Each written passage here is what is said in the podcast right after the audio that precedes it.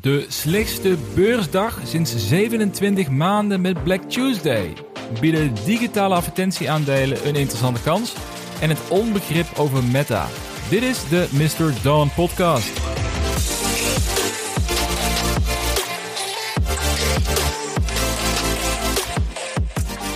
Welkom bij de Mr. Dawn podcast, waar de focus volledig ligt op het beleggen in innovatieve groeiaandelen. Mijn naam is Jasper en ik heb eigenlijk ontzettend veel zin om een nieuwe aflevering te maken vandaag. Want er is echt ontzettend veel gebeurd in de afgelopen week. Zowel met de beurs, maar ook rondom eh, Mr. Don aan zich. Dus ik denk dat er weer meer dan genoeg interessants te bespreken valt voor deze week. Zo gaan we in deze aflevering hebben onder andere over eh, Black Tuesday of Red Tuesday of uh, Waardeloze Tuesday, hoe je, het ook wil noemen. Ik noem het Black Tuesday, want we hebben namelijk de slechtste beursdag sinds juni 2020 achter de rug. De S&P daalde 4,3% en de Nasdaq daalde maar liefst met 5,2% afgelopen dinsdag. Nou, twee weken geleden zou er een reden zijn geweest om in de paniekmodus te schieten...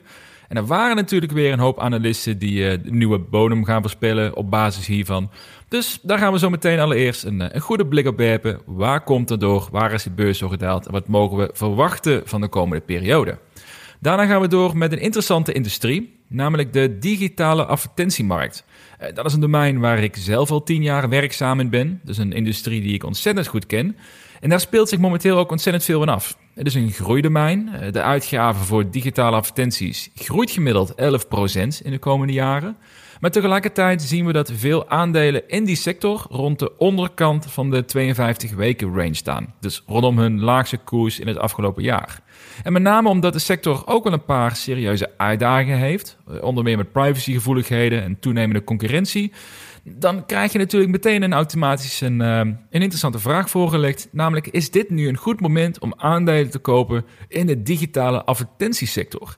Nou, dat is het tweede onderwerp waar ik in deze aflevering bij stil ga staan. En het laatste onderwerp van vandaag, dat is het aandeel die ik met bijzonder veel interesse volg. Omdat iedereen er een, er een hekel aan lijkt te hebben aan dit bedrijf. En daardoor misschien wel blind is geworden voor de potentie en de richting die ze hebben gekozen. En dat is het bedrijf Meta, Meta, Meta, waar eh, Facebook, Instagram en WhatsApp onder vallen. Nou, ik ga hier een blik op werpen en zien of dit aandeel terecht zo afgezaagd wordt door beleggers. Of dat men hier een, eh, een gouden kans laat liggen om relatief eenvoudig een behoorlijk rendement te halen in de komende jaren. En tussendoor hebben we nog twee vragen van de luisteraars. Dus meer dan genoeg om te vertellen in uh, pak een beet het komende half uur in deze aflevering. Maar voordat we starten, zoals bekend, dit is geen financieel advies. Doe altijd je eigen onderzoek en beleg alleen met geld dat je kunt missen. En het is mijn ambitie om eh, de rest van het jaar deze podcast nog flink te laten groeien. En daar kan jij me bij helpen door een score achter te laten bij Spotify of een review bij Apple Podcast. En uiteraard door de podcast te delen met jouw vrienden die ook interesse hebben in beleggen. Alright, wat een ontzettend heerlijk positief onderwerp om deze aflevering mee te gaan starten, namelijk Black Tuesday. De afgelopen dinsdag ging de S&P maar liefst met 4,3% onderuit en de Nasdaq zelfs met 5,2%. En ik heb me echt verbaasd hoe relatief eenvoudig beleggers deze enorme daling naast zich neer hebben gelegd. En dat geeft misschien ergens ook wel aan hoe, uh, hoe gewend we zijn geraakt aan een markt waarbij een 2% plus of min uh, wordt een beetje gezien wordt als een standaard beursdag. Ik denk dat daaruit wel blijkt ook hoe lastig het is voor veel beleggers om echt richting te kiezen in deze markt. En dat afgelopen dinsdag vrij uitzonderlijk was, dat was ook wel heel duidelijk te merken. Dit was namelijk de slechtste beursdag sinds juni 2020, dus zo'n 27 maanden geleden. Dat was ook de eerste keer sinds maart 2020, toen de coronacrash zorgde voor maximale spanning op de beurs, dat werkelijk alle aandelen in de Nasdaq 100 in koers zijn gedaald. Maar laten we niet vergeten dat de Nasdaq sinds de bodem van maart 2020 inmiddels met 66% is gestegen. Dus het geeft natuurlijk ook wel de nodige reden om nou, enigszins gereserveerd te kijken naar de aankomende maanden. En ja, als je natuurlijk één op één gaat vergelijken, zou je kunnen zeggen dat we nog een behoorlijke daling voor de boeg hebben. Maar dat is veel te makkelijk en daar eh, wil ik vooral niet te veel op gaan speculeren. Maar laten we wel eens gaan kijken van wat was nou de reden voor Black Tuesday? De reden dat de beurs zo hard is gedaald afgelopen dinsdag. En het heeft eigenlijk allemaal en met name te maken met de inflatie en de inflatieverwachtingen die erbij komen kijken. Eh, dat is verreweg, denk ik, het belangrijkste cijfer om de komende weken en de komende maanden in de gaten te houden. De inflatie van augustus in de Verenigde Staten was hoger dan men had verwacht. De verwachting was dat de inflatie de top inmiddels wel had bereikt, dat langzaam meer het zou gaan afkoelen. Maar waar economen een, een lichte daling van 0,1% hadden verwacht, bleek de inflatie juist 0,1% te zijn gestegen. En als reactie daarop steeg ook de 10-year Treasury Note naar bijna 4% rente, het hoogste punt sinds 2009. Nou, waarom is dit nou zo'n big deal? Want mijn eerste reactie was ook dat een uh, inflatie van 8,1% of 8,3%, nou, dat is niet bepaald zo'n groot verschil. Dus ik vond het een uh, behoorlijke overreactie van de beurs om daardoor de Nasdaq 5% te zien dalen. Maar waar het vooral om gaat is het verhaal erachter. Namelijk welke impact dit heeft op de acties van de Amerikaanse Fed. Het verhaal is eigenlijk best, eh, best eenvoudig te maken, denk ik. Ehm, des te sneller de Fed besluit om hun renteverhogingen af te bouwen en dus minder agressief te worden op dat front, des te sneller zal de beurs dit beschouwen als een signaal om meer risico te durven nemen en dus meer geld te investeren in assets zoals aandelen. Maar de absolute focus van de Fed is niet de beurs, maar het onder controle krijgen van die inflatie. En zodra die inflatie, zolang die blijft dalen, zal ook de renteverhogingen agressief worden doorgezet. Dus in dit geval hadden economen verwacht dat de inflatie iets zou gaan dalen en dat dat reden zou geven aan de Fed om het gaspedaal iets los te laten. Maar doordat dus de inflatie is gestegen, ja, is de kans heel waarschijnlijk dat de Fed hun renteverhogingen gewoon gaat doorzetten. En dat heeft dus meteen een direct negatief effect op de koersen. Oftewel, Black Tuesday was een pijnlijke constatering dat de economen miszaten. En dat dus de hoge rentes misschien wel te verantwoorden zijn om te zorgen dat die inflatie afgeremd wordt. Want het gaat dus nog steeds niet de goede kant op wat dat betreft. En dat is praktisch eigenlijk het verhaal van Black Tuesday. Het draait met name dus om het onder controle krijgen van de inflatie. En dat maakt het enigszins uh, overzichtelijk, een overzichtelijk probleem. We weten waarom de beurs uh, alle kanten op kan springen in de afgelopen maanden. Uh, het heeft allemaal te maken dus met inflatie en als gevolg de rente daarbij. Maar anderzijds is het voor retailbeleggers zoals, zoals ik zelf, zoals de meeste luisteraars, ja, ik denk ook heel lastig om hierop te anticiperen. Mijn toelichting van zojuist ja, het zal vast en zeker iets te simplistisch zijn voor economen die deze podcast luisteren. Mochten die er zijn, shout-out naar jullie. Uh, en ik zal vast bepaalde nuances missen. Uh, maar het verhaal, of de kern van het verhaal, is dat wij overgeleverd zijn en macrofactoren waar we eigenlijk helemaal geen invloed op hebben. En dat zijn niet alleen de groeibeleggers die hier last van hebben, maar natuurlijk praktisch iedereen die, die aandelen bezit. Het mooiste voorbeeld van de afgelopen week vind ik de continue drang naar diversiteit in je portfolio. Nou, als je mij al langer volgt, dan weet je dat ik een voorstander ben van een geconcentreerd portfolio. Omdat ik denk dat dit voor, eh, met name voor actieve groeibeleggers, specifieke voordelen oplevert ten opzichte van de grote investeringsfondsen, waar je in zekere zin toch mee concurreert. En met name doordat je hierdoor eh, aandelen veel beter kent dan het gros van de beleggers op de beurs en daardoor ook betere beslissingen kan maken om een bepaald aandeel te kopen, eh, vast te houden of toch om te verkopen. Ja, en als je 500 aandelen in bezit hebt, uh, of in mijn beleving zelfs meer dan 20 individuele aandelen. Ik denk dat dat al praktisch onmogelijk is, tenzij je er fulltime mee bezig bent. Ja, dan verspil je dat complete voordeel die je kan hebben als individuele retailbelegger. En dan kan je beter gaan beleggen in een indexfonds. Als je zo graag zoveel verschillende aandelen hebt en zo graag je risico wilt spreiden. Nou, doe dan een indexfonds en maak iedere maand trouw een bedrag over naar je portfolio. En dan ga je gegarandeerd veel beter en veel fijner, eh, veel fijner slapen en waarschijnlijk ook veel beter rendement halen. En dat is denk ik nog steeds voor de meeste beleggers ook al gewoon de juiste richting om te volgen. Maar als je bewust de keuze maakt om in groeiaandelen te beleggen, dan lijkt het mij nuttiger om dat te doen met een portfolio van 10 tot maximaal 20 aandelen. Nou, waarom benadruk ik dit aspect weer? Omdat ik een, een schitterende afbeelding voorbij zag komen over eh, de beursdag van afgelopen dinsdag. Waarbij dus letterlijk alle aandelen op de Nasdaq 100 in het rood stonden. En bijna alle aandelen in de S&P stonden in het rood. Behalve één aandeel en dat was Twitter. En daar kwam vanwege het nieuws dat de aandeelhouders een overname door Elon Musk hebben goedgekeurd. Nou, en dan is Twitter sowieso de afgelopen maanden sinds de overnamegesprekken al een, uh, een apart aandeel. Als je kijkt eh, naar de beurs, zij varen compleet eigen koers. Maar het is momenteel, denk ik, met name speculeren of het bedrijf wel of niet overgenomen gaat worden door, door Elon Musk.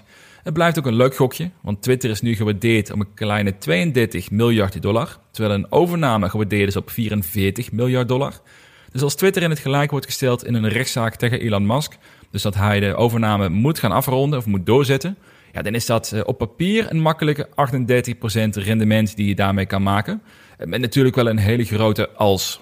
want het is zeker geen uitgemaakte zaak dat die overname zomaar door kan gaan.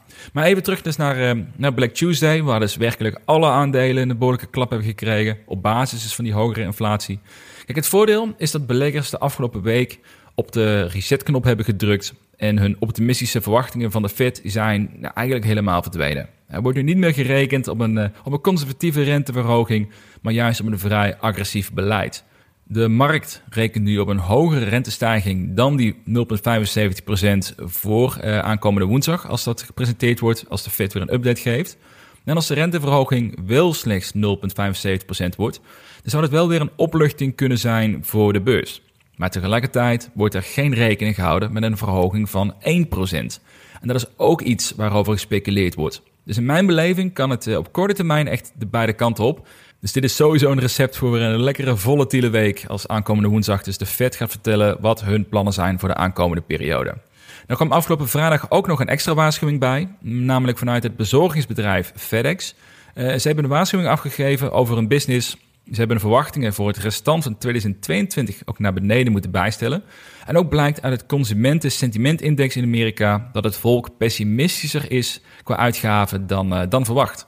En met name door de hoge energieprijzen, waar simpelweg gewoon nog geen oplossing voor, uh, voor te vinden is. En zeker niet in Europa, waar we hier natuurlijk nog veel harder mee, uh, mee van doen hebben.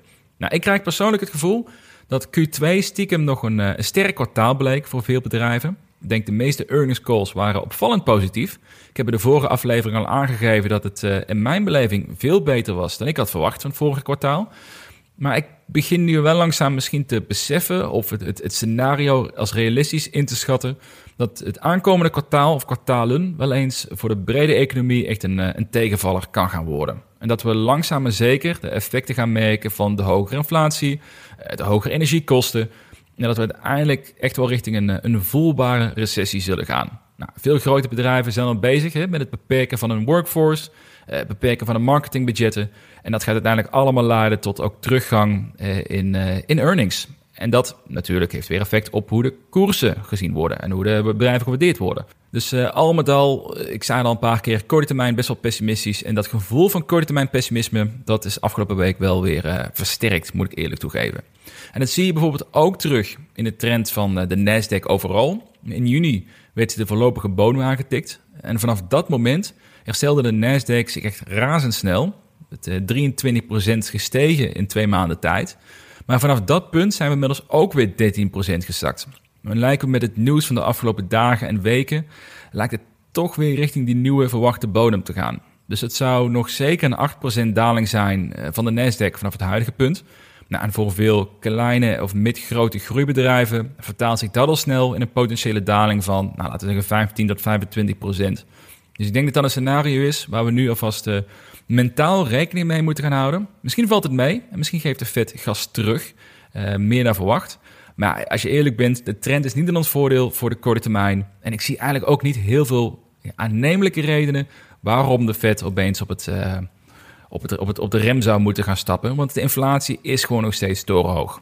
Maar ja, anderzijds maak je er ook niet te veel zorgen over. Bereid je voor met eventueel wat extra cash aan de zijlijn. Eh, maar wees voorbereid dat je niet per ongeluk vanuit een emotie een beslissing maakt waar je later spijt van gaat krijgen. Het, onderaan de streep, dit is een lange termijn spel. Uh, we rennen een marathon, we zijn niet aan het sprinten. Dus ik zou er ook qua strategie rekening mee houden. Maar ja, voorbereiden op een worst case scenario, dat is het, uh, het meest verstandige wat je, nou, eigenlijk wat je altijd zou kunnen doen. Dus daar zou ik wel alvast uh, mee gaan beginnen. En in dat kader is het tijd voor een relevante vraag van een luisteraar. Want Fabian vraagt zich af of dit het moment is om aandelen te kopen, aangezien nagenoeg alle aandelen klap hebben gehad. Nou, deze vraag ligt mooi in het verlengde van hetgeen ik net heb besproken.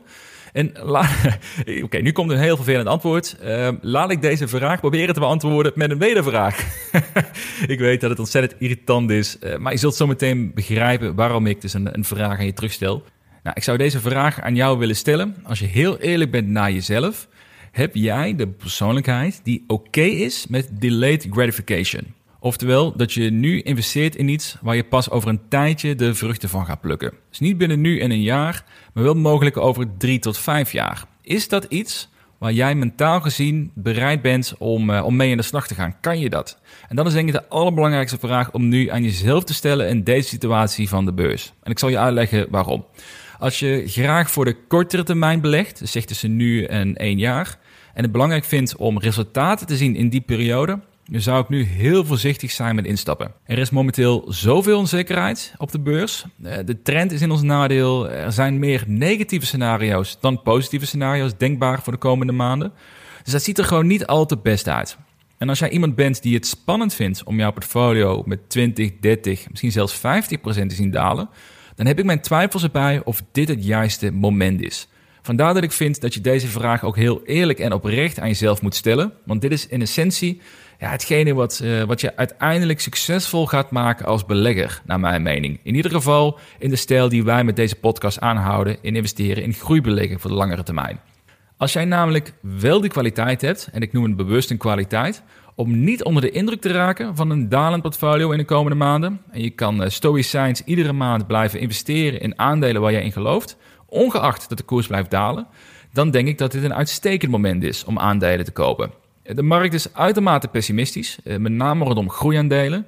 Als ik kijk naar mijn complete wishlist vol met groeiaandelen, dan zijn er nu, een, er zijn nu 40 aandelen, denk ik, die daarop staan dan staat werkelijk ieder aandeel op die lijst dichter bij het dieptepunt van de afgelopen 52 weken dan bij het hoogtepunt. Nou, natuurlijk mag je zeggen dat uh, één jaar geleden de markt bijzonder optimistisch was over groeiaandelen en dat de waarderingen te ver waren opgelopen. Maar het geeft met name aan hoe pessimistisch beleggers nog steeds zijn over deze groep aandelen. En er zitten aandelen tussen die qua relatieve waardering echt bijzonder aantrekkelijk zijn in mijn beleving. Ik hou een lijstje bij van uh, fair values op basis van het discounted cashflow model. En dat is natuurlijk niet 100% de waarheid, want fair value betekent niet dat het aandeel uiteindelijk ook uh, die koers weer gaat aantikken. Dus alles behalve garantie. Maar het geeft wel iets van een indicatie van een relatieve waardering. En daar zie ik aandelen op staan met een upside van 100% of hoger in relatie tot die fair value. Dus een, een Twilio, een Okta, uh, Coinbase, AMD, Google, PayPal. Er zijn zoveel bedrijven die een hogere waardering zouden rechtvaardigen. Maar ik denk als je daar nu in zou beleggen en dat dat niet per se over één of twee jaar, dat je daar het positief rendement uithaalt, dat daar in ieder geval niet de focus op zou moeten liggen. Maar over drie tot vijf jaar lijkt het mij zeer aannemelijk dat dit bedrijven zijn waar je een, uh, een hele mooie zwarte cijfers in gaat zien. En ik denk zeker als je ook gedurende de periode, stel dat het iets minder gaat, als je ook gewoon blijft bijkopen in die aandelen, ja, dan wordt de kans alleen maar groter dat je uh, over die lange periode daar een, een mooi rendement uit haalt. En er zijn gewoon zoveel bedrijven die in dat straatje passen, waarbij ik denk dat het gewoon heel aannemelijk is dat ze uiteindelijk uh, gaan renderen. Dus ja, is dit dan een aantrekkelijk moment om aandelen te kopen? Als je korte termijn resultaat verwacht, dan nee. Uh, maar kan je stoïcijns voor langere termijn aandelen aanhouden en periodiek blijven investeren, dan is het naar mijn idee echt een, een meer dan prima moment om in te stappen, om voorzichtig te beginnen, om je portfolio op te bouwen. En persoonlijk blijf ik ook 100% geïnvesteerd. Ik zal dat ook de komende maanden blijven doen, omdat ik weet dat ik totaal geen moeite heb om mijn portfolio nog eens 30% te zien dalen vanaf dit punt. We hebben inmiddels wel wat, wat erger meegemaakt dan een 30% daling. Maar dat is wel iets waar je dus eerlijk naar jezelf over moet zijn. En zeker als je een beginnende belegger bent, als je nog niet heel goed weet ja, hoe je gaat reageren op zo'n situatie, en je denkt dat je misschien gaat reageren op een bepaalde manier, doe het dan met kleine stapjes. Beleg een klein beetje, ervaar welk effect de markt op jou heeft. En dan heb je in ieder geval minimale downside risico qua, qua geld. Hè, wat je kunt mis, uh, mislopen door misschien verkeerde keuzes te maken. Als het toch blijkt dat je nou, misschien wel meer moeite mee krijgt. Maar je hebt altijd maximale upside in ervaring en in kennis. Zeker beginnende beleggers gaan op minst gaan. Proef een beetje aan de markt op deze manier. En ik denk dat die ervaring die je eruit haalt, dat het minstens zo waardevol is om uh, op het rendement dat je haalt, zeker als je net begint met beleggen, waar het uh, toch vaker om een relatief kleiner bedrag gaat als je uh, dit de komende 30, 40 jaar wilt blijven doen. Dus dankjewel voor je vraag, Fabian. Ik hoop dat dit een, een duidelijk antwoord voor je was. Dus dan hebben we gesproken over Black Tuesday, of dit een moment is om, om aandelen te kopen. Ik wil straks wil ik nog een blik werpen op het aandeel Meta. Maar allereerst is het tijd voor een industrie waar ik zelf al, al tien jaar werkzaam aan ben en waar die voelsprieten die ik daarin heb opgebouwd ook wel nuttig kunnen zijn vanuit een investeerdersperspectief. Dan heb ik het over de digitale advertentiemarkt. Is dit nou een interessant domein om in de aankomende periode in te investeren? Nou, allereerst, over welke aandelen heb ik het dan als ik spreek over de digitale advertentiemarkt? Nou, voor deze analyse heb ik gekeken naar bedrijven die het gros van hun omzet halen uit het verkopen van digitale advertenties. Dus een Google en een Meta onder andere, maar geen Microsoft en geen Amazon, omdat de procentuele omzet vanuit advertenties ja, redelijk in het niets vallen vergeleken bij een andere verdienmodellen. En naast Google en Meta heb ik ook gekeken naar eh, pure spelers, zoals de Trade Desk, eh, PubMatic, Magnite en Roku. En daarnaast ook de social platforms zoals Pinterest, Snapchat en Twitter. En ik heb gekeken naar hoe gaat deze markt zich de komende periode ontwikkelen en welke aandelen van het juist genoemde lijstje bieden een, eh, een, eh, een goede kans om een bovengemiddelde rendement op te leveren in de komende, de komende jaren. En persoonlijk vind ik deze sector ontzettend interessant. Allereerst heb ik er een passie voor, omdat deze industrie de combinatie maakt tussen marketing, media, technologie en innovatie. Het gaat ook echt razendsnel in deze wereld. Ieder jaar volgen nieuwe ontwikkelingen zich op die uh, de boel weer behoorlijk op zijn kop zetten. Dus we maken het ontzettend leuk om hierbij betrokken te zijn. Maar ook vanuit een investeerdersperspectief vind ik dit een interessante markt. En dat heeft een paar redenen. Allereerst groeit de advertentiemarkt nog steeds enorm. En met name de digitale advertentiemarkt. Eh, de komende jaren wordt een gemiddelde groei verwacht van 11%. En het moment komt ook steeds dichterbij dat digitaal de rol gaat overnemen van de meer traditionele mediakanalen, zoals bijvoorbeeld eh, tv-advertenties. En dat is momenteel nog steeds het, eh, het grootste domein waar adverteerders graag actief op willen zijn. En die verschuiving komt omdat jongeren en millennials overwegend hun content halen uh, via websites, via streamingdiensten, via social platforms. Dus daar is al een enorme verschuiving gaande de laatste tien jaar. En anderzijds omdat de digitale omgeving veel meer mogelijkheden biedt op het gebied van, uh, op het gebied van data. En ondanks dat privacy steeds belangrijker wordt, cookies zullen ook waarschijnlijk wel een keer gaan verdwijnen, ook al duurt het steeds langer en langer. Uh, uiteindelijk kunnen digitale advertenties, als je kijkt naar gericht bereiken van een doelgroep, ja, zijn die gewoon superieur ten opzichte van elke andere vorm van adverteren. En als marketeer kan je je geld maar één keer uitgeven. Dus dat doe je natuurlijk het liefst op een middel die jou zo'n hoogst mogelijke zekerheid geeft dat dat je de juiste mensen mee bereikt. Dus ik denk dat deze sector de komende jaren aanzienlijk zal blijven groeien. En dat zorgt dus ook voor een extra deeltje in de rug bij deze aandelen. Nou, tegelijkertijd heb je ook het businessmodel, wat heel interessant is. De hedendaagse technologie zorgt ervoor dat je voor vele miljoenen euro's aan advertentieomzet kan managen, met wijze van spreken slechts met een paar personen. En je kan ook vrij eenvoudig opschalen door meer advertentievoorraad toe te voegen. En in één klap verkoop je niet voor 10 eh, miljoen per maand aan advertenties, maar kan je voor 12 miljoen per maand verkopen. Terwijl je daar misschien maar een paar extra werknemers voor nodig hebt. En hierdoor zie je ook dat veel bedrijven in deze sector onderaan de strijd best aardige marges kunnen maken. Dus dat is al meer dan genoeg reden om er blij van te worden. Goede marges, goed schaalbaar en een groeimarkt. Dus dat, dat zijn redenen waarom ik dus altijd nadrukkelijk kijk naar deze industrie ook vanuit mijn kennis om te kijken waar nou eh, de kansen liggen. Maar toch zijn er ook een paar uitdagingen in deze industrie. Nou, allereerst neemt de concurrentie de komende jaren echt ontzettend toe. Uh, Apple heeft onlangs aangekondigd dat zij met een eigen advertentiemodel komen en een team aan het bouwen zijn waarmee zij de omzet gaan laten groeien van 5 miljard dollar naar 30 miljard dollar per jaar aan advertentieinkomsten en dat binnen enkele jaren. Nou, stel dat zij dat kunnen eh, fixen voor 40% netto marge, wat best haalbaar is, uh, vanuit deze industrie en gezien hun machtspositie wat zij hebben, dan voegt dat 12 miljoen dollar jaarlijks netto toe aan hun resultaat. En dat is meer dan 10% van hun huidige totale winst. Waardoor dus advertentieverkoop echt een significante groeipijler kan worden voor Apple. Maar we hebben niet alleen over Apple die is gegroeid. Je hebt ook Netflix. Die hebben onlangs een samenwerking afgesloten met Microsoft. Zij gaan een, eh, gratis abonnementsvorm aanbieden met advertenties tussendoor. Waardoor zij uh, eind van dit jaar verwachten zo'n half miljoen gebruikers erop, uh, erop te krijgen op die tier. En dit is een directe concurrent voor video-advertentienetwerken die strijden om dezelfde euro. Zoals een Roku bijvoorbeeld, maar ook een Google met YouTube. En dan is nou, een half miljoen gebruikers is niet bepaald genoeg om echt impact te maken in die markt. Maar als je dit over eh, de komende jaren, als het door gaat groeien naar pak een beetje 10 miljoen gebruikers bij Netflix, die de advertenties te zien krijgen, dan gaat het echt wel ten degelijk ten koste van anderen. Net zoals dat de ambities van Apple ook ten koste zullen gaan van omzet die nu landt bij een Google of bij een Meta bijvoorbeeld. Dus het wordt de komende jaren fors drukker in dat landschap. Ook al is er met, eh, met 11% jaarlijkse groei wel genoeg rugdekking om die groei te kunnen faciliteren, zonder dat de partijen er echt aan ten onder hoeven te gaan. Dus voor de langere termijn zijn er eh, positieve vooruitzichten, maar wel met voorbehoud vanwege die groeiende concurrentie. Maar overal denk ik echt een ontzettend interessant domein. anders zouden Apple en een Netflix zich er ook niet in mengen natuurlijk. Maar ja, maakt dit de digitale advertentiemarkt dan een aantrekkelijk domein om in te investeren? Nou, en hiervoor is het heel belangrijk om één aspect heel goed te begrijpen. Namelijk over het bepalen van de marketingbudgetten. En op een bepaalde manier, eh, marketingbudgetten zijn cyclisch. Dus in de zin dat zodra een economie goed draait, dan hebben adverteerders hebben een hoger besteedbaar inkomen. Eh, dat gaat grotendeels naar marketing, om ervoor te zorgen dat ze marktaandeel winnen of minimaal stabiel houden. En zeker ook omdat de concurrentie dit doet, moeten zij wel mee in dat advertentiegeweld.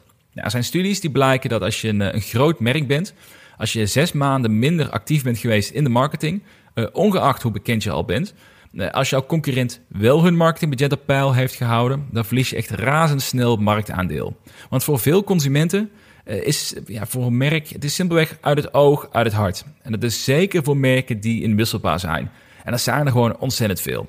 Oftewel, bij een goede economie maken adverteerders elkaar een beetje gek en concurreren ze met name om elkaar voor te blijven. Dus ze zullen wel, moeten, ze zullen wel geld moeten pompen in, het, uh, advertentie, in, de advertentiemarkt. Met als gevolg ook dat uh, de marketingbudgetten voor stijgen, dat de prijzen van advertentieruimte stijgen. Want dit is simpelweg een vraag van, van vraag en aanbod.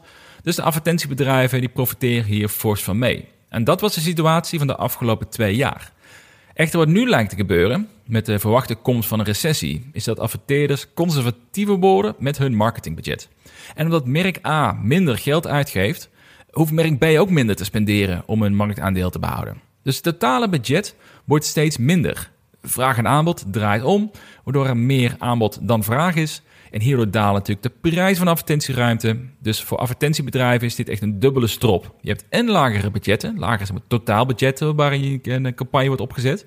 En je hebt lagere prijzen daarvoor. Dus je moet ook meer gaan leveren voor diezelfde euro. Dus mijn conclusie is dan ook in dat kader is dat het nu misschien niet de allerbeste periode is om in, uh, in digitale advertentiebedrijven te investeren.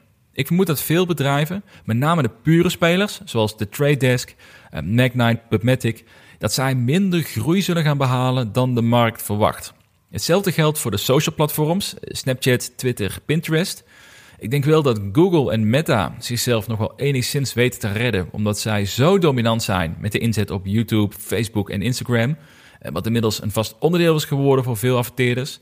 Maar overal ben ik voor de korte termijn iets pessimistischer over dit domein. Nou, tegelijkertijd vind ik dat niet erg, als je kijkt naar uh, bijvoorbeeld PubMatic, die hadden echt een uitstekend kwartaal onlangs. Uh, de koers steeg ook met bijna 32% als reactie op een uitstekend kwartaal. Maar inmiddels is die hele koerswinst die is weer verdwenen. En de koers staat nu zelfs lager dan voor die earnings call. En dit is een bedrijf waar onlangs de tegenwinst, wat je mag verwachten in de komende kwartalen, ja, maar wel gewoon de nodige muziek in zit, die een mooie winst maakt, die mooie groei wil laten zien. En ook als het even tegen zit, verwacht ik niet dat PubMatic daar meteen uh, enorm problemen van gaat krijgen. En de waardering is wel op dit moment ontzettend aantrekkelijk. Dus ik vermoed wel dat dit een markt is waar je je ogen op wilt blijven richten in de komende maanden. Want ik denk dat hier echt een paar hele mooie kansen gaan ontstaan.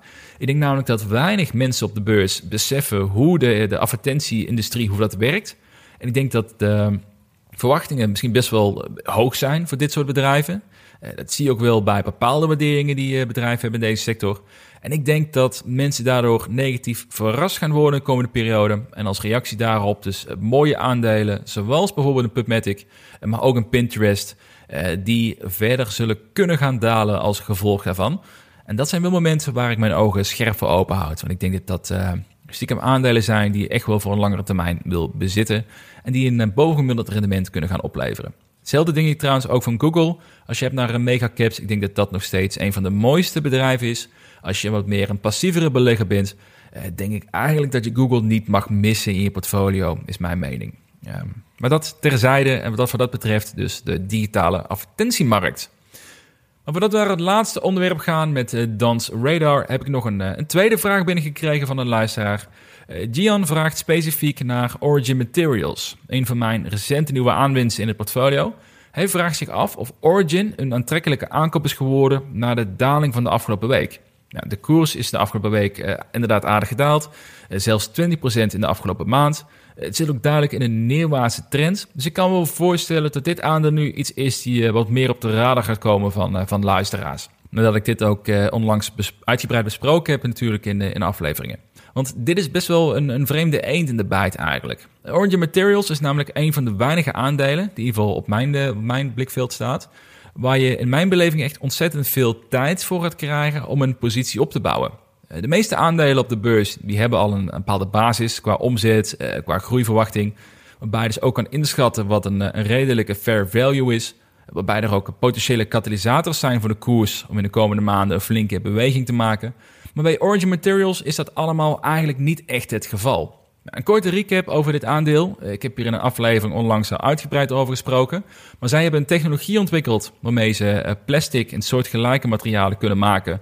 Door het gebruiken van uh, praktisch restafval eigenlijk, zoals houtsnippers, uh, karton en andere vormen van grondstoffen die met name als restafval gezien worden. En dat doen ze op een manier die koolstof negatief werkt. Dus waar olie omzetten naar plastic gepaard gaat met een hoge koolstofuitstoot, helpt deze technologie om plastic en varianten erop te creëren die juist de koolstof in de lucht vermindert. Dus een razend interessant bedrijf, en zeker met het oog op het klimaat en, en de wens om meer duurzaam te gaan produceren. Afijn, waarom is dit dus een, eh, een vreemde eend in de bijt? Dat komt omdat Origin nu bezig is aan het bouwen van hun eerste fabriek. Nou, die moet eind dit jaar klaar zijn en dan gaat het hopelijk zorgen voor een eerste schaalbare manier van produceren. Nou, volgend jaar moet het ook geleiden tot hun eerste omzet, eh, naar verwachting zo'n 60 miljoen dollar. En dat is praktisch niets eigenlijk. Het bedrijf is nu gewaardeerd op bijna 800 miljoen dollar. Dus als je dat zou gaan doorberekenen, dan is dat een, eh, een price to sales in 2023 van ruim 13 keer de omzet. Nou, natuurlijk niet echt iets om je zorgen over te maken, want dit is een bedrijf minimaal voor vijf jaar aan vasthouden. Echt voor minimaal een vijf jaar vasthouden.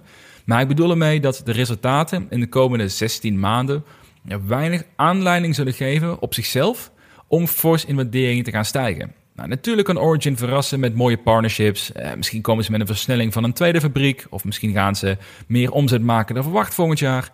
Maar ik denk sowieso dat de komende vier tot zes maanden, op zijn minst, dat er weinig scenario's zijn waardoor de koers eh, echt zou gaan ontploffen naar, naar boven toe.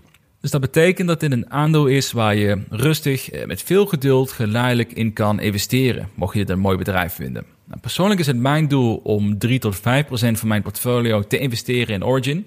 En daarvoor koop ik nu iedere paar weken koop ik er een klein plukje bij. Ik heb wel een, eh, een richtprijs bepaald voor wanneer ik meteen een volle positie wil innemen. Nou, bij Origin is dat een koers rond de 4,60 dollar. Dat zou namelijk betekenen dat het bedrijf qua enterprise value, dus zonder cash en schulden, een waarde heeft van 250 miljoen dollar. En dat is mijn ultieme grens qua waardering, waarbij ik niet langer ga wachten om een volle positie in te nemen, omdat ik denk dat de upside vanaf dat moment zo overweldigend hoog is, ja, dat ik niet verder hoef te wachten op een nieuwe bodem.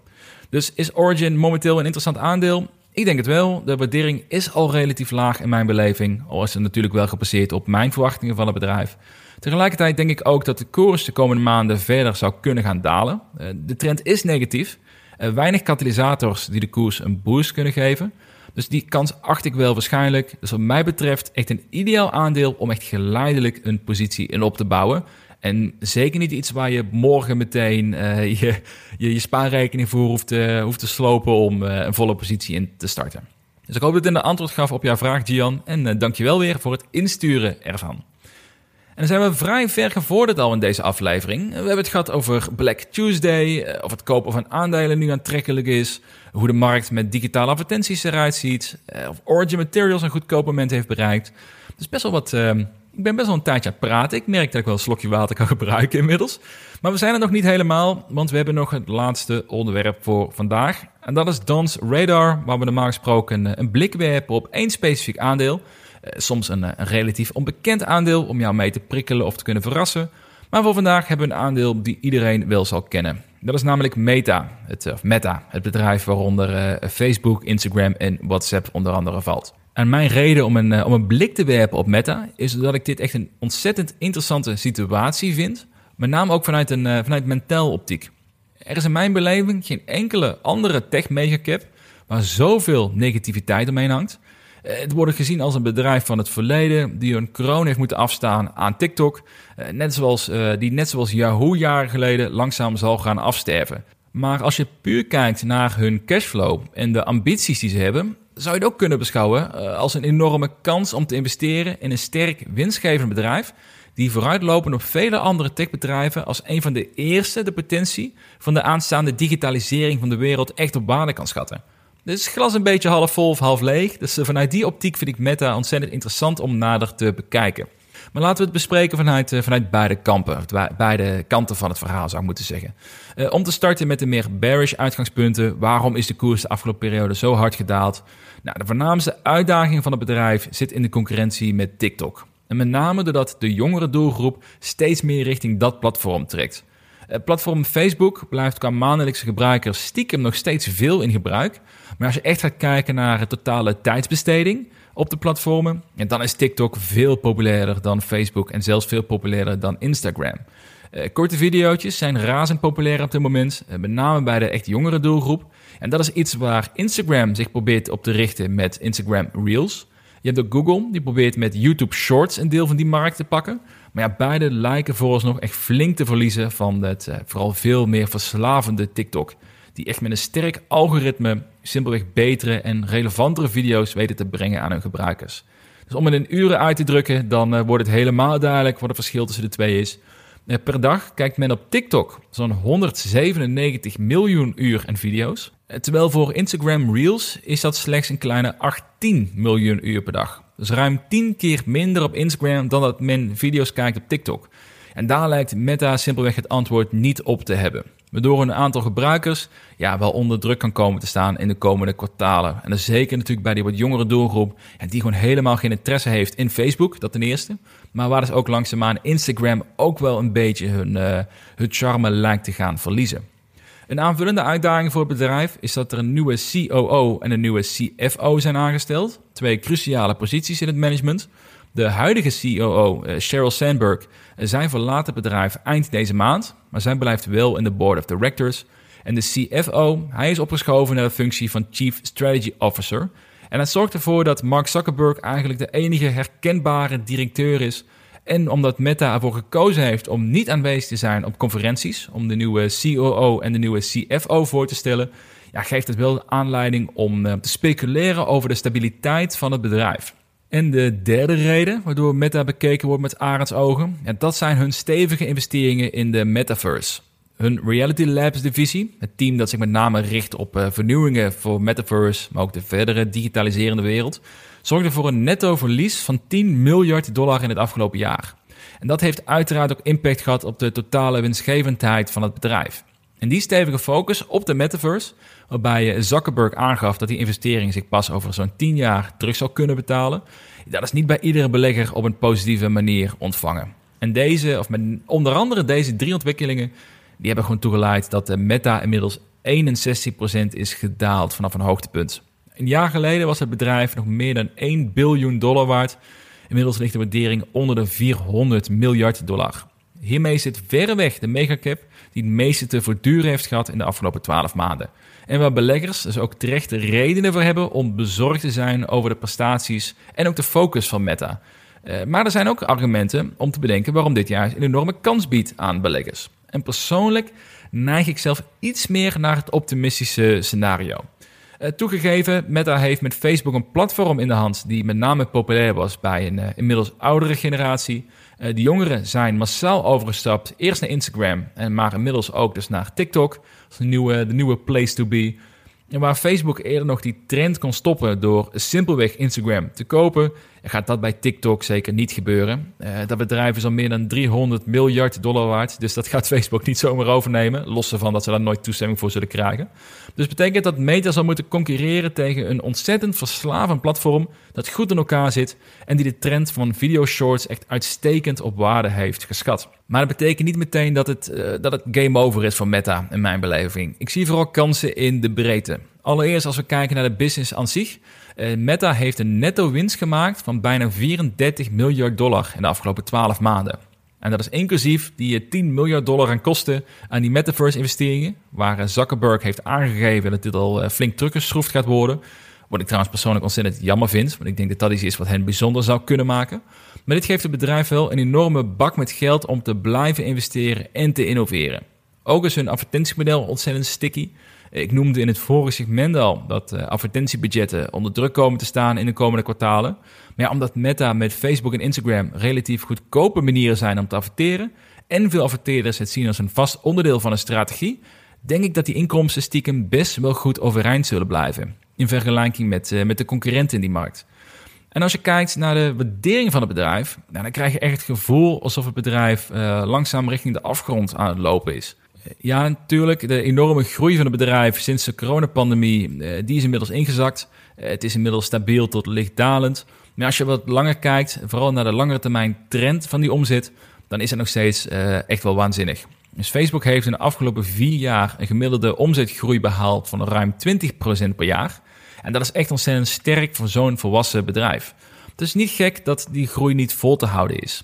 Maar als je kijkt naar een paar waarderingsmetrics, dan heb je niet het gevoel dat dit een bedrijf is met 20% gemiddelde groei en een netto winst van bijna 34 miljard dollar in de afgelopen 12 maanden. Ondanks dat de groei er voor nu eventjes uit lijkt. Maar ja, het, het moet nog blijken of die groei ook definitief verdwenen is uit het bedrijf. Daar heb ik dus wel mijn twijfels over. En waar ik persoonlijk met name enorme kansen zie, dat is die investeringen in de nieuwe digitale economie. Ik heb een tijdje geleden een paar podcasts geluisterd met Zuckerberg. En daaruit heb ik echt het idee gekregen dat hij snapt waar de wereld heen gaat. Niet alleen vanuit het, uh, het speelse karakter van de metaverse, maar met name ook de manier waarop collega's met elkaar in de toekomst gaan samenwerken. Uh, de work from everywhere trend, hoe digitale assets een belangrijke rol gaan krijgen in onze maatschappij. En dat zijn trends die nu voor veel mensen moeilijk zijn om te bevatten en ook om in te schatten hoe impactvol ze gaan worden. Maar ik denk wel dat Zuckerberg en Facebook al vaker hebben aangetoond dat zij trends kunnen spotten, kunnen omarmen en uiteindelijk ook kunnen claimen. Vaak wel vanuit het, eh, het schaamteloos kopiëren van anderen, zoals Instagram regelmatig heeft laten zien door uh, bijvoorbeeld stories te kopiëren van Snapchat. En nu zijn ze volgens mij ook de Be Real variant aan het kopiëren. Niet de meest ethische bedrijven om in te investeren, uh, maar het werkt wel business-wise.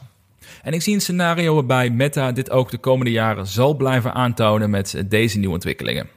Nou, ik zei het te snel net al. Meta is niet bepaald het meest ethische bedrijf. Uh, als je kijkt nou ook naar een houdingen bij uh, pesterijen, uh, politieke beïnvloeding, maar ook een mindset dat de tijd doorbrengen op een platform, dat dat echt de allerbelangrijkste metric is waar zij zich richten. Dus ja, vanuit dat oogpunt ben ik ook sceptisch over Meta als bedrijf zijnde.